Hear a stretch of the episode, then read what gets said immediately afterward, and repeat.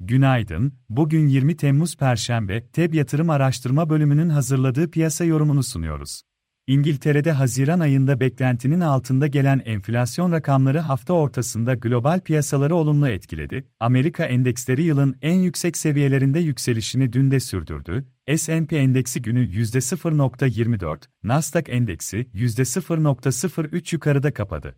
Avrupa borsalarında pozitif kapanışlar takip ettik. İngiltere FTSE endeksinde %1.8 değer artışı yaşandı. Yurt dışı borsaların bu sabah genelde satıcılı tarafta hareket ettiğini takip ediyoruz. Netflix ve Tesla'da ikinci çeyrek sonuçlarının ardından kapanış sonrası işlemlerde hisse fiyatlarında yaşanan değer kaybı Amerika endekslerinin vadeli tarafta satışa dönmesine neden oldu. Netflix'in ikinci çeyrek gelirleri beklentilerin altında kaldı. Tesla'da ise mamlar üzerindeki baskı hisse fiyatlarını olumsuz etkiliyor. Çin Merkez Bankası beklentilere paralel 1 ve 5 yıl vadeli gösterge borç verme faiz oranlarında değişikliğe gitmedi. Asya borsaları üzerinde Çin'de zayıf gelen ikinci çeyrek büyüme verilerinin ve emlak sektörüne ilişkin artan endişelerin olumsuz etkileri sürüyor. Avrupa borsalarının da dünkü yükselişlerin sonrasında bugün hafif aşağıda açılması bekleniyor.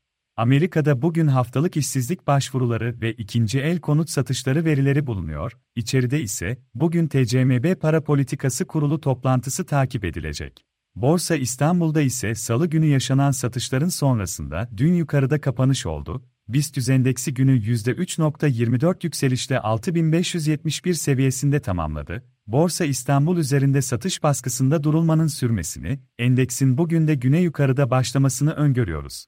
Teknik olarak bakıldığında Borsa İstanbul'da 26 Mayıs'tan beri etkili olan yükselen trend ara düzeltmelerle devam ediyor. Endekste kısa vade kritik noktalardan biri olarak izlediğimiz 6600 seviyesinin aşılması durumunda yükselen hareketin teknik hedefi 7100 seviyeleri olacak. Günlük bazda direnç olarak 6710 ve 6800 seviyelerine bakılabilir. Destek olarak 6470 ve 6350 seviyeleri önemli olacak.